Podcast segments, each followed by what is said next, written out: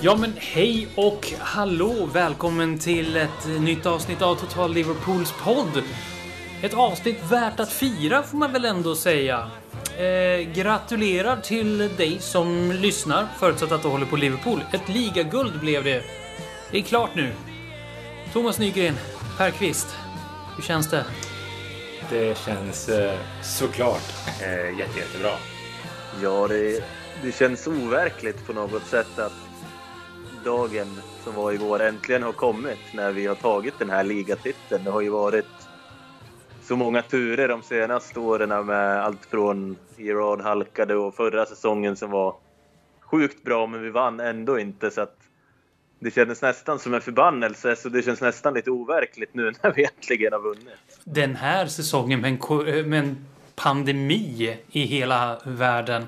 Inte ens det kunde stoppa Liverpool den här säsongen och det här avsnittet eh, tänker jag att det kommer inte vara så mycket nytt och så utan vi kommer mest bara njuta och vara hyfsat självgoda har jag en känsla av att äntligen 30 år efter senaste Premier League-titeln, nej, ligatiteln ska sägas, inte ens Premier League-titeln, så är det äntligen dags igen och är det här en ny era i Premier League-fotbollen som, som vi ser inledningen på en ny era eller är det bara som ja, men Leicester att det händer en gång och kanske inte mer? Ja, lite av det har jag tänkt att vi ska diskutera som vanligt med Thomas Nygren och Per Kvist. Och eh, ja, det har ju gått ett par år sen sist. Hur, hur stort känns det här eh, för er? Ja, det känns ju det känns enormt. Det är nästan så att det är svårt att ta in, precis som Pelle var inne på. För jag, jag började hålla på Liverpool tidigt 90-tal. Min första affisch är ju av ett titelvinnande lag. Och det är ju den senaste titeln de vann. Och då var ju jag eh, barn. Och sen så har man fått vara med om de här 30 åren och få sett liksom spelare passera, tränare passera. Vi har varit nära några gånger.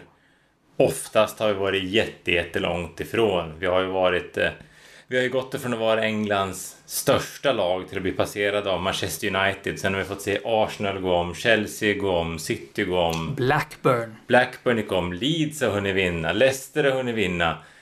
Och vi har liksom fått eh, husera där i bakvattnet och lita till våran eh, historia och våran fanskara och det har kommit stora spelare. Det har varit eh, Suarez det har varit Coutinho. Vi har sett McMahon, men alla de här som har varit och lämnat för att ha chans att vinna någon annanstans. Vi har liksom inte varit slutstationen för spelarna. Vi var kanske en språngbräda till de allra största. Och helt plötsligt så har vi vi är regerande världsmästare, vi är regerande Europamästare, vi är regerande mästare i England och vi har eh, jag vet inte hur många spelare som var med på listan över världens bästa fotbollsspelare. Och de kommer ju att vara kvar i Liverpool så länge vi vill ha kvar dem i stort sett. Och det känns ju helt... Eh, det känns nästan overkligt. Som man för, för tio år sedan såg eh, Jay Spearing, Christian Paulsen, Milan Jovanovic, Sotiris Kyrgiakos. Man kan fortsätta hur länge som helst egentligen rabbla namn och spelare som... Alltså de skulle ju inte platsa i vårt reservlag idag. Det är enormt. När vände det? Ja, vilket datum skrev han på Klopp? Jag kan inte det i huvudet. Men det är det Jürgen Klopp som är grejen? Lite, klart man får äga situationen bidrog ju såklart väldigt mycket men utan Klopp hade vi inte varit där vi är idag för det är ju inget snack om att han har gjort oss till, eh, till någonting annat. Dels en klubb som spelare ville komma till. Alla vill ju spela under Klopp. Och nu så har han gjort det här laget till någon... Eh, ja, det, det är en maskin. Vi vinner och vinner och vinner. Olika sätt. Vi kan göra mål på olika sätt. Vi släpper in jättelite mål. Han har, han har ju skapat en maskin. Och det är trots att vi jämfört med många andra klubbar inte spenderat speciellt mycket pengar om man ser till just inkomster och utgifter. Vi ligger ju ja, i mitten av Premier League-lagen om man ser till netspend. Och det är ju, gör det hela ännu mer imponerande. Det är ju inte så att det har kommit en oljeshejk och köpt spelare för 10 miljarder. Det har inte kommit någon uh, ryss ifrån ingenstans som köpt, upp, köpt in ett helt lag utan uh, det här laget är ju byggt på ett sätt som jag tycker vi kan vara väldigt stolta över. Det är en sommar som vi har spenderat stort. Men det har också varit på spelare som alla har blivit eh, lyckade. Ja, det har ju inte varit eh, någon oljeshejk som tog över Liverpool utan ett eh, gäng eh, nordamerikaner som tog över efter ett par nordamerikaner per. Hur, hur viktigt är, var det här ägarbytet för den här efterlängtade ligatiteln? Ja, det går ju nästan inte att överskatta den betydelsen. Vi hade ju sidan när det här ägarbytet var. Och det var ju otroligt turbulent innan FSG kom in och det var ju väldigt många turer i samband med ägarbytet. Jag kommer ihåg där att vi hade helt sjuka besökssiffror. Vi skrev ju väldigt mycket om det här. Och de har ju inte bara kommit in med kapital, de har ju också kommit in med en strategi och en ödmjukhet. Till exempel så var det ju de här extrema, extremt dyra nya arenaplanerna som Hicks och Gillette utvecklade. De kastade man ju i sopkorgen så småningom och istället bestämde sig för att renovera Anfield billigare och bättre. Men framförallt så har man ju haft som sagt en strategi och man har ju det här att man är ganska moderna och matematiska statistiska modeller som man tror på. Men det är ju inte så att de sitter själva. De tror ju på att anställa folk som har den kompetensen och det började ju med Komolli som i och för sig inte var helt lyckad. Men å andra sidan så det var ju alltid svårt att ha en sportchef med brittiska managers som Roy Hodgson, Brennan Rogers. De ville ju göra allt det här själv, Kenny Dalglish. Så det blev ju väldigt konstigt där ett tag när de värvade in sina spelare och Komolli värvade in, in sina. Nu, nu har ju Komolli fått en viss upprättelse känner jag med till exempel Jordan Henderson som visade sig bli väldigt lyckad. Men den som jag tycker vi ska hylla, en individ som är, han är ju galet anonym sett till vad han har åstadkommit, det är ju ändå Michael Edwards. För det är ju han och inte Jürgen Klopp som sitter och värvar spelarna och som har fyndat de här spelarna. Mohamed Salah till exempel har ju Klopp erkänt i efterhand att Edwards fick övertyga, övertala honom om att det är en spelare som Liverpool borde ha. Men sen har ju Klopp självklart gjort någonting alldeles fantastiskt med spelarna, med de här pusselbitarna. Har han, ju, han har ju utvecklat många, han har ju gjort ett lag som är starkare än alla beståndsdelarna tillsammans om, jag förstår, om ni förstår vad jag menar. Det är ju verkligen ett lag, dagens Liverpool, och det kan man ju verkligen tillskriva Klopp. Likaså vinnarmentaliteten. Det känns ju också som en kloppsk sak och vi har ju också en identitet på planen.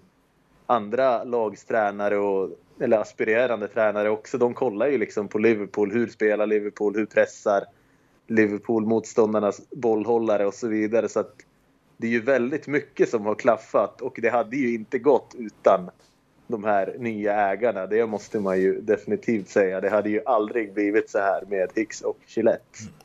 Sen så, det var ju lite Tid just där i samband med att eh, vi skulle försöka värva van Dijk och misslyckades samtidigt som Coutinho försökte lämna. Då blåste det ju väldigt hårt både runt Klopp och ägarna egentligen när vi vår största stjärna inte ville vara kvar och den spelaren som alla förväntade sig att vi skulle värva helt plötsligt inte gick att värva för att vi hade gjort oss ovänner med, med Southampton.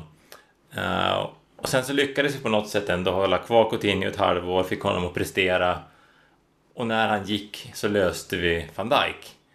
Och sen dess har det egentligen bara gått spikrakt uppåt. Så även i den situationen så då vet jag att det var många som var kritiska till FSG och klubben i stort då, sett till hur man skötte transfersen. Men eh, man gjorde ju rätt då och sen dess har man ju knappt tagit ett eh, felsteg. Eh, värvningen av van Dijk är ju, det är ju en jättestor nyckel till den här eh, titeln och att vi att vi släppte Coutinho tror jag också är en eh, väldigt viktig del i det, för han hade haft svårt att ta en riktigt tydlig roll i det här laget. Det pratade vi om redan då, att det finns ingen riktigt tydlig roll för Coutinho i dagens Liverpool. Och eh, sett till vad man har gjort för pengarna så var det ju en, eh, en jätte, jättebra affär. Ja, alltså ibland är det ju så också. Coutinho var ju individuellt sett en spelare som platsade, det men det var ju just det här med rollen, att hans kvaliteter gick ju inte att få in till 100% i spelsystemet och jag kan ju tycka att en spelare som kanske inte har lyckats till 100% men Nabi Keita till exempel när han spelar på mittfältet han är ju ändå mycket bättre utan bollen än vad Coutinho är. Och erbjuder liksom, han har en annan hårdhet och så vidare så att Coutinho jättebra spelare men passade inte riktigt in i Klopps lag ändå. Och det har ju gått bra efter Coutinho som ni noterade speciellt den här säsongen. 31 matcher spelade, 86 poäng har Liverpool skrapat ihop.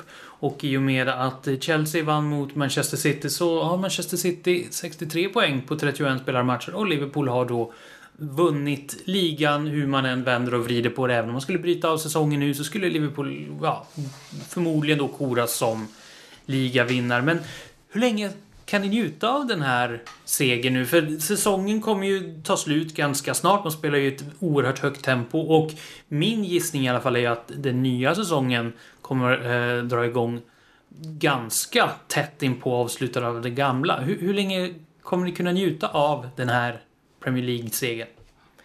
Det är svårt att säga eftersom det är eh, första gången som man upplever något sånt här. Men jag tror att delvis kommer man ju njuta av det här resten av livet. Med tanke på att vi har väntat på det så länge. Så även om det skulle visa sig att Liverpool vinner ligan tio gånger till de kommande 20 åren så är det ändå det är den första titeln.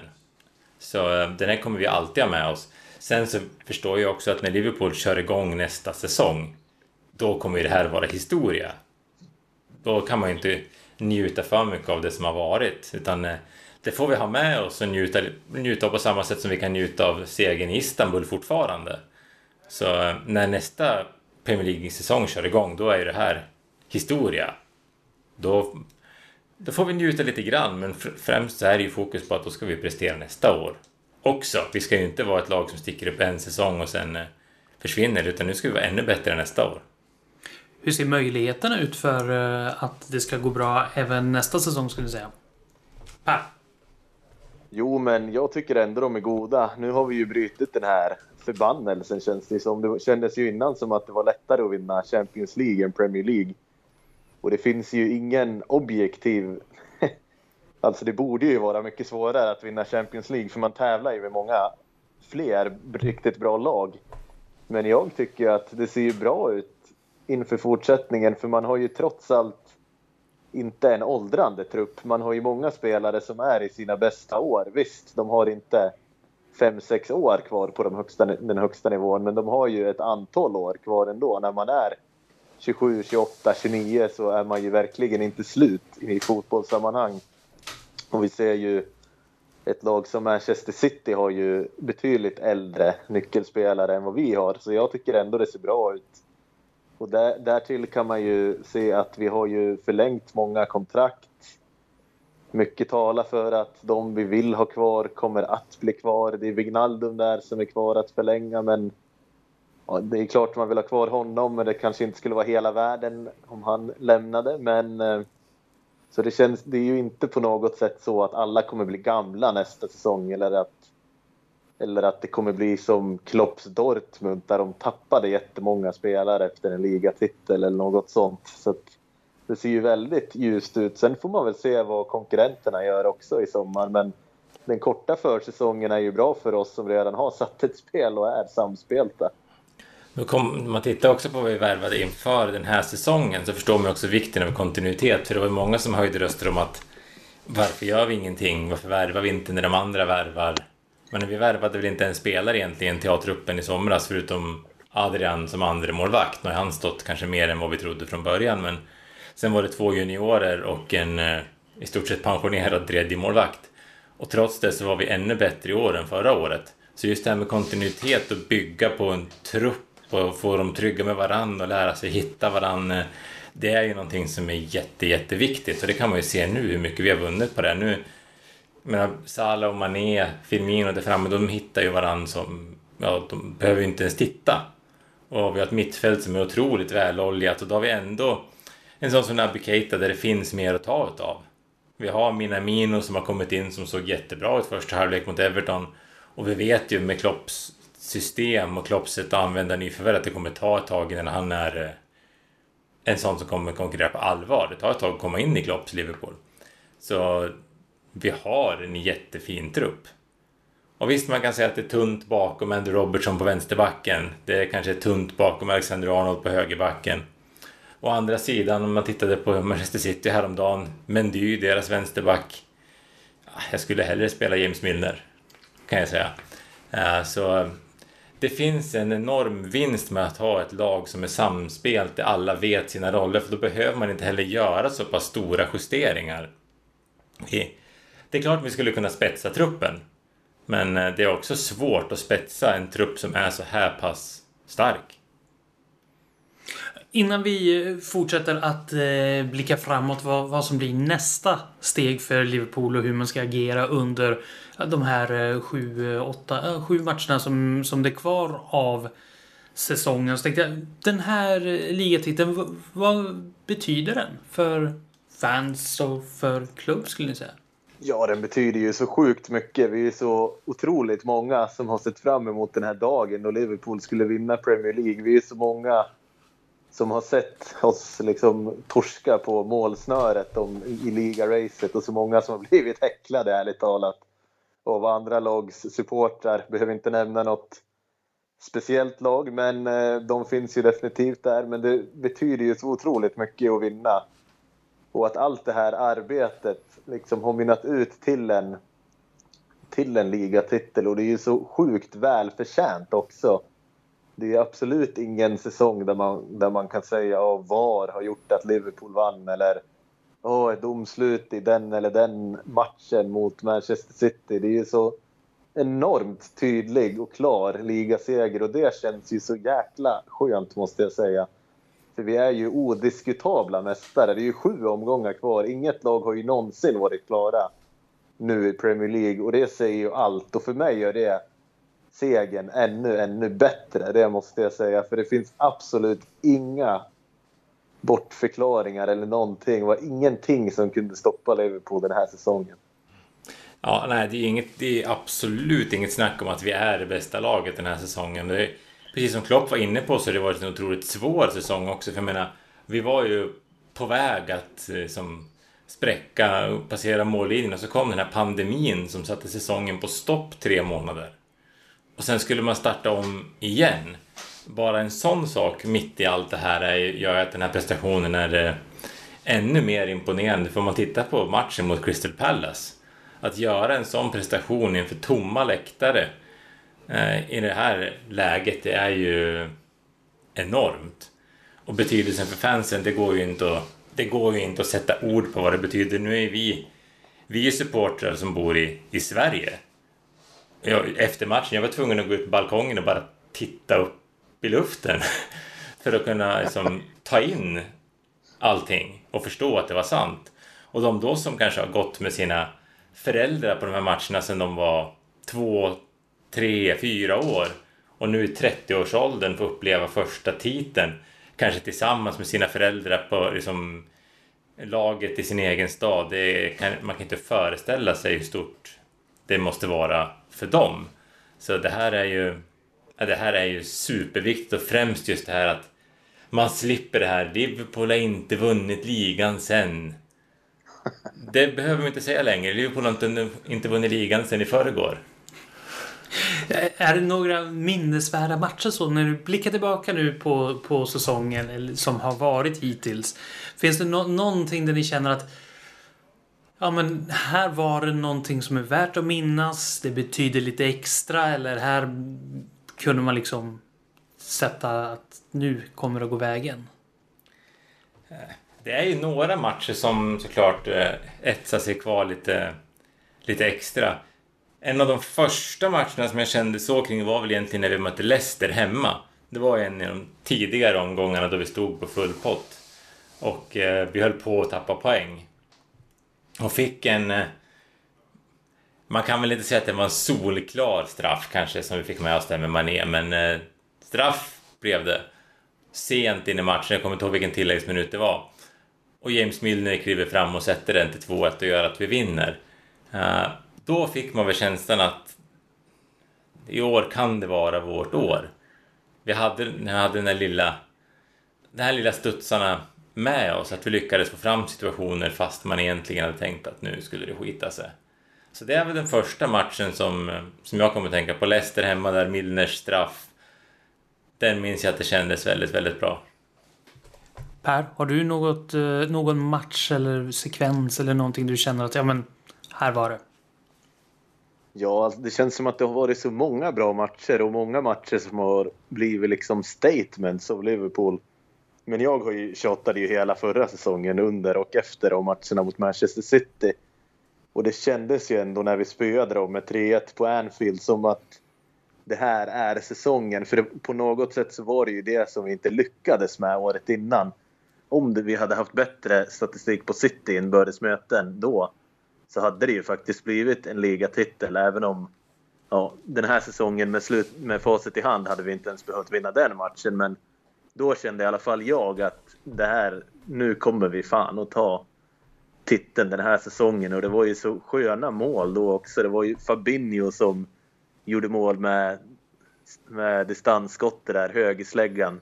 Lite som mot Crystal Palace, ganska likt mål faktiskt. Och det var ju också det här målet där Trent slår liksom en crossboll på Robertson som slår ett inlägg till Sala tror jag det var som nickade in den liksom hur snyggt som helst.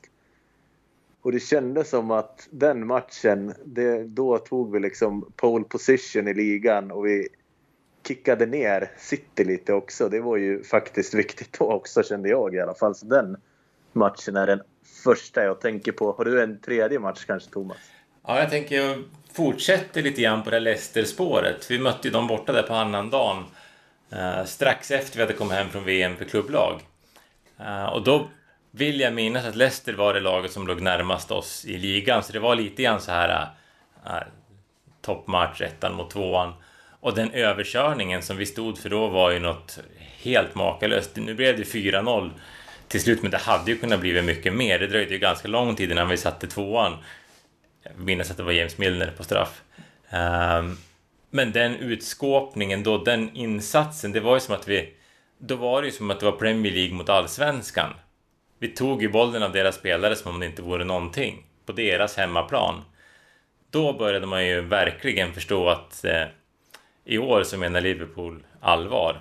Så när vi, när vi eh, gick in på det nya året så hade Liverpool precis visat hur eh, otroligt bra man kan vara när man verkligen eh, när man behöver vara det. För vi har ju verkligen inte imponerat stort spelmässigt i alla matcher.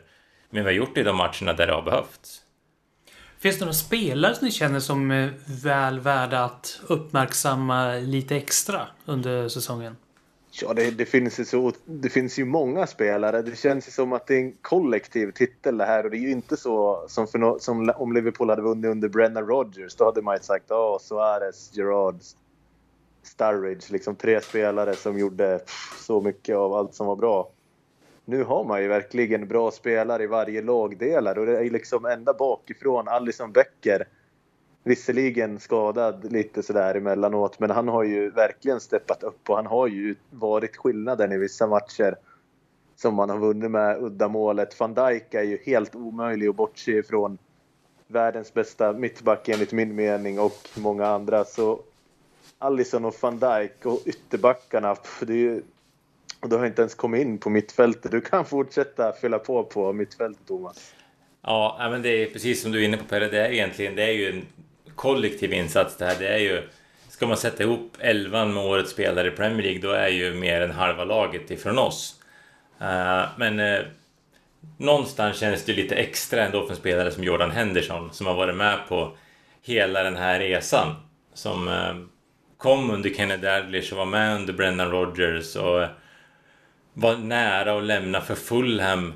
Stannade kvar, kämpade, har fått kritik i massor. Han har ju nästan varit eh, nya Lukas Leiva i perioder. Att han har, när inte spelet har klaffat då har det varit hans fel. Det har varit för mycket passningar bakåt. Han har inte varit stark nog för att vara kapten. Men hans säsong nu är ju något Eh, helt enormt. Speciellt den andra halvan. När, när Fabinho gick sönder så var det som att Henderson höjde sig ytterligare en nivå. Så um, det är ju en spelare som jag kommer förknippa väldigt mycket med den här eh, titeln. Även om han kanske inte har varit den han har inte så stuckit ut som den i särklass bästa spelaren, men han har varit enormt viktig och man har också sett på honom hur mycket det här har betytt för honom. Uh, men sen mittfältet i sig, det är ju ett sånt här, en, en lagdel som eh, det är kanske inga av dem som kommer att komma med i några världslag, men tillsammans så bildar de ett mittfält som är perfekt för Klopps sätt att spela fotboll. Vi kanske inte har de här superkreativa spelarna, men samtidigt har vi två ytterbackar som gör 10-15 assist, så då kanske man inte behöver lika mycket poäng från mittfältet. Vi har Keita som är på väg in förhoppningsvis nästa säsong för att kunna göra lite mer, eh, skapa lite mer framåt, men annars Fabinho, jätte, jättebra. Henderson var vi inne på, jättebra. Vinaldum, en sån här som ofta som man ofta glömmer bort lite grann för att han kanske inte syns lika mycket som de andra men som också är jätteviktig för att vårt spel ska flyta. Och sen så har vi Milner som kan komma in och göra... Ja, vart man än sätter honom så vet man att man får en bra insats. Oxley Chamberlain som man nästan glömmer bort. Och eh, vi har, till och med som Adam Lallana har kommit in och räddat poäng i vissa matcher så det är ju verkligen truppen som är grunden till det här. Då har ni inte ens nämnt eh, fronttrion. Eh, utan stannar vid eh, mittfältet. De, de, får ganska mycket publicitet som, som det är. Och det går väl inte nog att understryka att, att det, det är ett, en trupp som har vunnit mer än en spelare och eh, bakom den truppen står ju Jörgen Klopp. Och det är ju fortfarande matcher kvar nu hur tycker ni att Jürgen Klopp och Liverpool ska agera de här matcherna? Ska man skicka ut juniorlaget nu resterande matcher? Eh, ska man eh, spela med bästa möjliga elva? Eller hur, tycker ni att eh, klubben och Klopp framförallt då ska agera med materialet som, som man förfogar över? Per? Ja, det är ju, de jobbar ju ganska vetenskapligt. De tar ju massa blodprover och massa fysiska tester på spelarna och kollar i vilket skick de är i. Så man har inte all tillgänglig data. Men det finns ju spelare som det talas om kommer få större roller nästa säsong. Och då tänker jag väl till exempel på Curtis Jones. Jag tänker på Harvey Elliott. Jag tänker på Nico Williams, där högerbacken som av allt att döma kommer bli backup åt Trent nästa säsong. Och han fick ju debutera i ligan senast och det är ju tre spelare som skulle kunna samla på sig viktig erfarenhet nu utan någon jättepress samtidigt som Ja, jag vet inte. Det, kän, det känns ju inte riktigt värt att riskera någon förslitningsskada heller på på Sala eller Trent eller någonting med tanke på nästa säsong. Så jag tycker definitivt att man ska rotera. Och jag hoppas också få se mer av Minamino. Som Thomas var inne på tidigare så såg han ju pigg ut där första halvlek mot Everton innan han blev utbytt i paus. Och han är ju också en spelare som Ja, nu när Adam Lallana kommer lämna så Minamino kanske skulle kunna ersätta honom eller Curtis Jones beroende på hur man ser på det. Så det är ju sådana spelare, tänker jag, som eh, inför nästa säsong kommer liksom bli bättre preppade om de får spela mer nu i slutet av den här säsongen. Mm. Ja, men jag håller med. Alltså, man ska ju... Givetvis måste man också respektera att de lagen vi möter kommer ha ganska mycket att spela för. Så vi kan inte slänga ut... Eh, vi kanske inte ska ställa ut samma elva som vi gjorde i, eh, i kuppen. Men alltså spela, spela bästa elvan men spela den smart tänker jag. Man ska ju absolut inte slita på spelarna. Utan eh, lagomt matcha de här, matcha Salah, Mané, Trent Alexander-Arnold, van Dijk, de som har spelat jättemycket. De behöver ju verkligen inte stå på plan alla minuter som är kvar. Men eh, ge de här som Keita, Minamino hel del förtroende så att de kommer in i det till nästa år. För det är lite grann det är så som vi får tänka nu att nu påbörjar bygget inför nästa säsong. Och eh, det kan ju också vara så att några av spelarna är lite extra slitna efter, eh, efter firandet också nu. Så det kan de väl få njuta av att vara lite grann. Men, eh, men an, använd truppen smart. Vi, så, vi var inne på att vi har en bra trupp. Nu ska vi använda truppen. Vi behöver absolut inte ställa ut bästa elvan i varje match. Mot City kan jag tycka att det skulle kännas bra om vi spelar vår bästa elva, men sen så rotera, vila klokt, Sätt ett lag på planen som är tillräckligt bra för att vinna matcherna, men det behöver inte vara vårt bästa lag. Ja, och sen är ju, jag menar, City är ju ett lag som om vi skulle ställa ut hälften med reservlagsspelare så skulle de kunna bli krossade av City och det är ju det skulle ju inte gynna någon. Det skulle inte gynna de spelarna heller. Det som jag tänker lite på är ju att Salah har ju chansen att vinna skytteligan. Och det är, det är ju lätt för oss att säga att det är skitsamma nu när vi har vunnit ligatiteln. Men det är ju mycket möjligt att han vill vinna skytteligan. Så jag kan tänka mig att Klopp kommer ge honom chansen att göra det och att han kanske får ta straffar och så vidare. Så det är väl en sån sak som man ändå har att spela för. Jag skulle också vilja se Divock Origi lite mer centralt nu i slutet. Han var ju jättebra när han spelade mot Everton centralt, men har mestadels spelat på kanten sen när han fått chansen. Det skulle vara kul att se honom kanske tre, ett par, tre matcher centralt för, så att vi vet om Firmino inte kan spela en match nästa säsong, håller Origi? Eller behöver vi någonting annat? För min känsla när han spelar mot Everton är att han har ett bredare register än han kan visa när han spelar på kanten. Så lite mer Divock Origi skulle jag vilja se under slutskedet av eh, säsongen. Och eh, hur, hur, viktigt eh, ser ni att eh, mm, det här poängrekordet är? Liverpool har fortfarande chansen att ta ett poängrekord i Premier League. Nu när man är så överlägsna i ligan, har redan säkrat ligatiteln. Är det rimligt att eh, ta då det här poängrekordet? Det är klart, så länge chansen finns tror jag man kommer gå för det. Men eh, personligen så kan jag inte känna att det betyder sådär eh, jättemycket. Det viktiga är ju att vi vinner titeln. Jag menar, skulle vi inte ta rekordet så kan vi bara säga att vi säkrade titeln med sju omgångar kvar. Hur ska man kunna motivera sig då? Så jag tror ju att de kommer att gå för det. Om någon kan motivera spelarna till det så är det ju Klopp.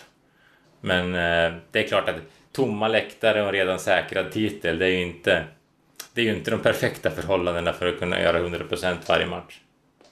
Eh, sju omgång, omgångar kvar i alla fall. Eh, och eh, redan säkrad ligatitel som, som både per, du, Thomas och Per har nämnt. Eh, är det här början på en ny era? Är det en ny storhetsperiod som Liverpool har framför sig nu när man ska plocka titlar? Man brukar ju säga att eh, den första titeln är ju den lättaste. Sen så blir det ju svårare att upprätthålla, vi säger hunger och och allt sådana faktorer. Eh, hur ser ni, är det här någonting som vi kommer att få uppleva fler gånger inom en nära framtid? Fler ligatitlar?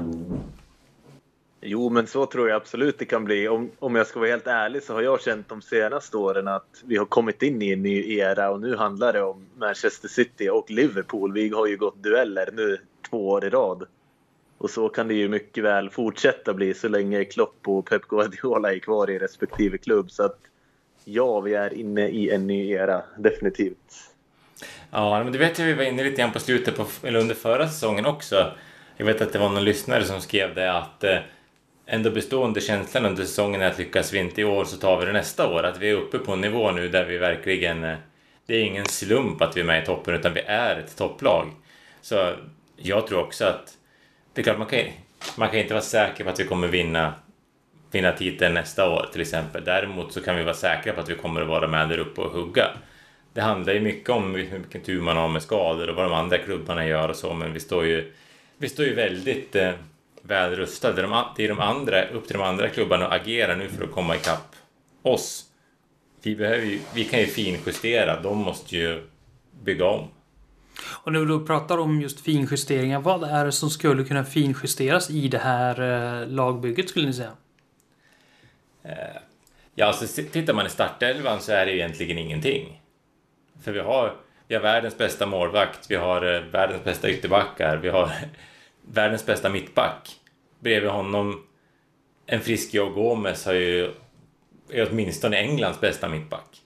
Vi har ett väloljat mittfält och så har vi en sylvass fronttrio. Så det är lite grann det som vi var inne på tidigare. Kan man spetsa bredden på något sätt? Kan vi få högre kvalitet på inhopparna än eh, vad vi har idag?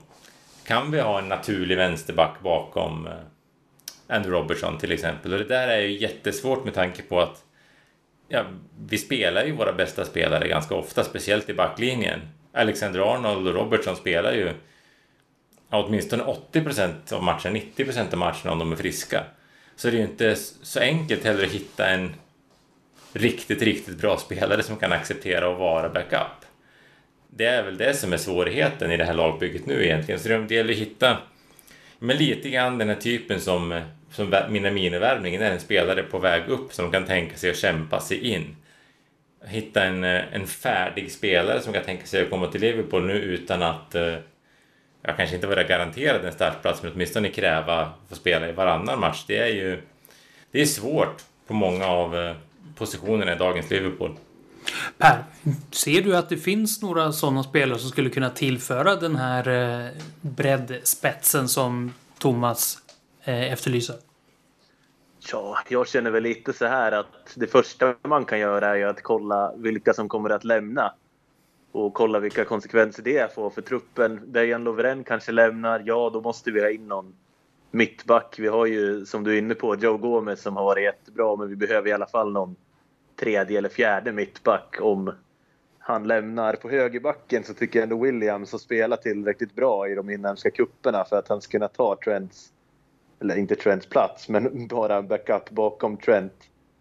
På vänsterbacken ser det väl lite kämpigare ut. Där har ju La är ju den reservspelaren till viss del Lewis som är duktiga, men det känns inte som att de är på samma nivå som Williams. Men jag kan tänka mig ändå att Larosia och Lewis får chansen under försäsongen och att om de imponerar tillräckligt mycket så tar man inte in något nytt alternativ där. Eller alternativet kan ju också vara att ta in en vänsterfotad mittback som även kan spela vänsterback eller någonting sånt.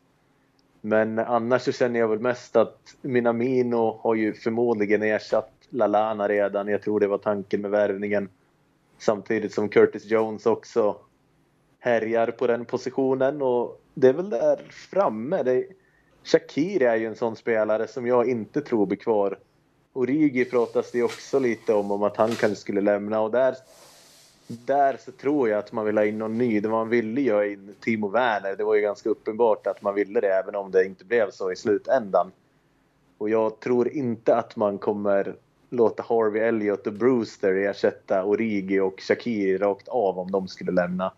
Så jag skulle inte bli förvånad om man tar in något till alternativ framåt och kanske någon eh, vänsterback, backs backup. Det är väl ungefär de finjusteringarna som jag tror man gör. Men jag tror att det kommer att bli ja, en mittback också kanske. Men jag tror det kommer bli spelare som är liksom mellan 21 och 25 som inte är svindyra men som är utvecklingsbara och som redan har bevisat någonting i alla fall. Lite som när man tog Minamino. Han hade ju ändå varit bra i Salzburg i Champions League. Men han var ju en billig spelare och han har jättemycket att bevisa. Han var relativt ung spelare. Så att, ja, kanske att man tar in några doldisar som kommer att spetsa till bredden eller i alla fall som kan utvecklas till spelare som kommer att spetsa till bredden. Men som jag var inne på så ska man heller inte glömma de här unga spelarna som redan finns i truppen. Jag ser jättemycket fram emot att se Harvey Elliott ett år äldre nästa år. Jag tänkte säga ett år kaxigare men jag tror inte han kan bli kaxigare än vad han är i alla fall inte så som den kaxigheten han utstrålar. Så att Harvey Elliott, kanske Brewster tillbaka på lån. Det skulle ju, han har ju varit väldigt bra nu i Swansea och det är ju jäkligt positivt när en anfallare kommer in och levererar. Vi vet ju hur bra det kan vara för självförtroendet. Williams, som sagt, Curtis Jones. Däremot tror jag inte att Wilson och Grujic kommer att få speltid i A-lag. Jag tror man kommer försöka, sälj, kommer försöka sälja dem och finansiera delar av nyförvärven med övergångssummorna som man får från dem. Ja, jag är också inne lite grann på samma spår där med just med Grujic och Wilson. Att de, eh, jag ser inte att de kommer ha någon framtid i Liverpool det skulle, då skulle de ha varit något längre i sina karriärer nu än vad de har gjort. Grujic har ju i och för sig gjort det bra i Bundesliga men eh, mycket talar för att han kanske blir kvar där. Harry Wilson känns ju verkligen som en max mittenlagspelare i Premier League. Han har ju ett ganska ändå begränsat register, väldigt bra vänsterfot men det räcker ju inte för att, för att spela i Liverpool eh, idag. För tio år sedan hade han ju absolut gått in och tagit en startplats i dåtidens Liverpool men idag så är det ju ja, det är ju världens bästa lag som man ska ta plats i i stort sett och då krävs det lite mer än bara kunna dra till bollen väldigt bra med vänsterfoten. Så eh, det handlar ju, precis som Pelle är inne på, vilka spelare som, eh, som blir kvar. Och så får, vi se, får man väl göra värvningarna utefter det. Det är ju ingen, det är ingenting som vi har ett skriande behov av att värva. Och så finns det ju också en, en stor vinst i just att ha sådana som Curtis Jones, och Nico Williams och Rian Brewster och de här som, som kan komma från de egna leden och verkligen få en chans att ta en plats i truppen. Det är ju eh, viktigt för klubben i stort att ha den här lokala förankringen så att det inte blir så att man eh, bara har spelare utifrån. Trent Alexander-Arnold är ju superviktig för Liverpool. Som har stått där på läktaren själv. Som ger en liksom, trygg koppling till staden. Och det är ju de här bakom som eh, garanterar det. Så vi måste ju även se till att det finns utrymme att ha en spelare som Curtis Jones i truppen. Kanske från start ibland. Istället för att värva in spelare som kanske är lite bättre men som eh, inte har någon koppling till eh, stan i stort. Och eh, det, det, är ju ett tag kvar så det gäller väl nu att passa på att njuta lite av de här sista innan vi blickar allt för långt framåt och tittar så mycket på på nästa säsong. Eh, avslutningsvis då Thomas Nygren och Per Kvist, det är sju matcher kvar. Hur kommer det vara att titta på de avslutande sju matcherna Eh, som är kvar av säsongen för Liverpool? Hur, hur kommer, det, kommer ni att kunna njuta nu av fotbollen istället för att sitta på nålar? Ja, men kanske kan man vara lite mer eh, avslappnad under matchen än vad man varit på slutet. För åtminstone personligen, jag var ju... Jag skakade ju nästan i kroppen inför matchen mot Crystal Palace och då var, ledde vi ändå ligan liksom med 20 poäng. Så det har ju varit nervöst nu fram till att vi skulle få slå i den där sista spiken och verkligen veta att titeln var klar. Det var åtminstone jag fylldes av ett enormt lugn när det, när det till slut var färdigt. Så kanske kan man njuta av att bara se Liverpool spela, spela fotboll de sista sju omgångarna. För ingen kan ju säga någonting annat än att det är fantastiskt roligt att titta på den här upplagan av Liverpool. Och eh, att kunna göra det lite mer eh, ja, avslappnat, det vore ju skönt. Sen kommer jag fortfarande bli förbannad om vi inte vinner. Jag kommer bli irriterad när vi spelar dåligt. Men det kanske går över snabbare. Per, kommer du också känna eh, någon form av ny ny känsla när du tittar på, på Liverpool nu? Ja, det känns, kommer ju säkert kännas lite konstigt. Man har ju aldrig varit i den här situationen förut. Det borde ju bli mer avslappnat och mindre nervigt. Samtidigt så spelar man ju mot lag som i vissa fall kommer ha väldigt mycket att spela för. Jag tänker på Chelsea i den näst sista matchen. Eh, de håller ju på att slåss där om en Champions League-plats hur kommer det vara att inte ha någonting att spela för men möta ett Chelsea som måste vinna till exempel? Ja, det kommer ju bli en intressant upplevelse tror jag för det känns ju väldigt ja, någonting som var väldigt avlägset om man tänker på hur det såg ut för tio år sedan. Liksom. Styrkeförhållandet mellan Liverpool och Chelsea. Och det skulle ju kännas märkligt på ett sätt om Liverpool spelade liksom, om Harvey Elliott sänkte Chelseas Champions League-dröm eller någonting. Så att, ja, vi får se hur det kommer kännas. Jag kan faktiskt inte riktigt svara på det än. Det var ju, det var ju en sak som var extra häftigt tyckte jag i torsdags. Det var match mellan Chelsea och Manchester City, de kanske två största symbolerna för moderna fotbollen. Det var liksom Abramovic mot eh, Citys Shake och det är de här lagen som har värvat dyrast genom åren. Och allt handlade egentligen bara om Liverpool. Det var en sjukt speciell känsla att veta att det här är ju en utav, alltså, två av världens största lag som går ut och spelar en match som deras Champions League-existens hänger lite grann på den där matchen. Men i grunden handlade det bara om Liverpool. En känsla du kan vänja dig vid? Jag skulle gärna vara med om det oftare. Och så får vi också ha med oss nu under resten av säsongen nu när Liverpool visas så kommer de alltid prata om redan klara mästarna. Eller här, mästarna Liverpool, serieledarna, ligavinnarna Liverpool. Vi kommer att benämnas som mästare nu i sju omgångar. Och långt in på nästa säsong också. Det är också en känsla som jag kan värna mig vid. Och eh, det är bara, ja, det är bara att börja vänja sig vid det. För som du säger Thomas, det är precis vad det är som kommer att hända i framtiden. Och eh, med det så börjar det på att bli dags att knyta ihop det här segeravsnittet av Total Liverpools podd som nu tar en välförtjänt eh, paus, i alla fall resten av säsongen och insuper den här nya känslan av att vara Premier League-vinnare. Smaka på det. Premier League-vinnare. Hur känns det? Thomas, Per? Ja, det är fortfarande smått obegripligt. Håller med, håller med. Det känns, känns fortfarande ganska overkligt faktiskt. Och då passar vi på att njuta av det. Och det får ni också göra fram tills vi hörs nästa gång. Ha det så fantastiskt bra. Hej då!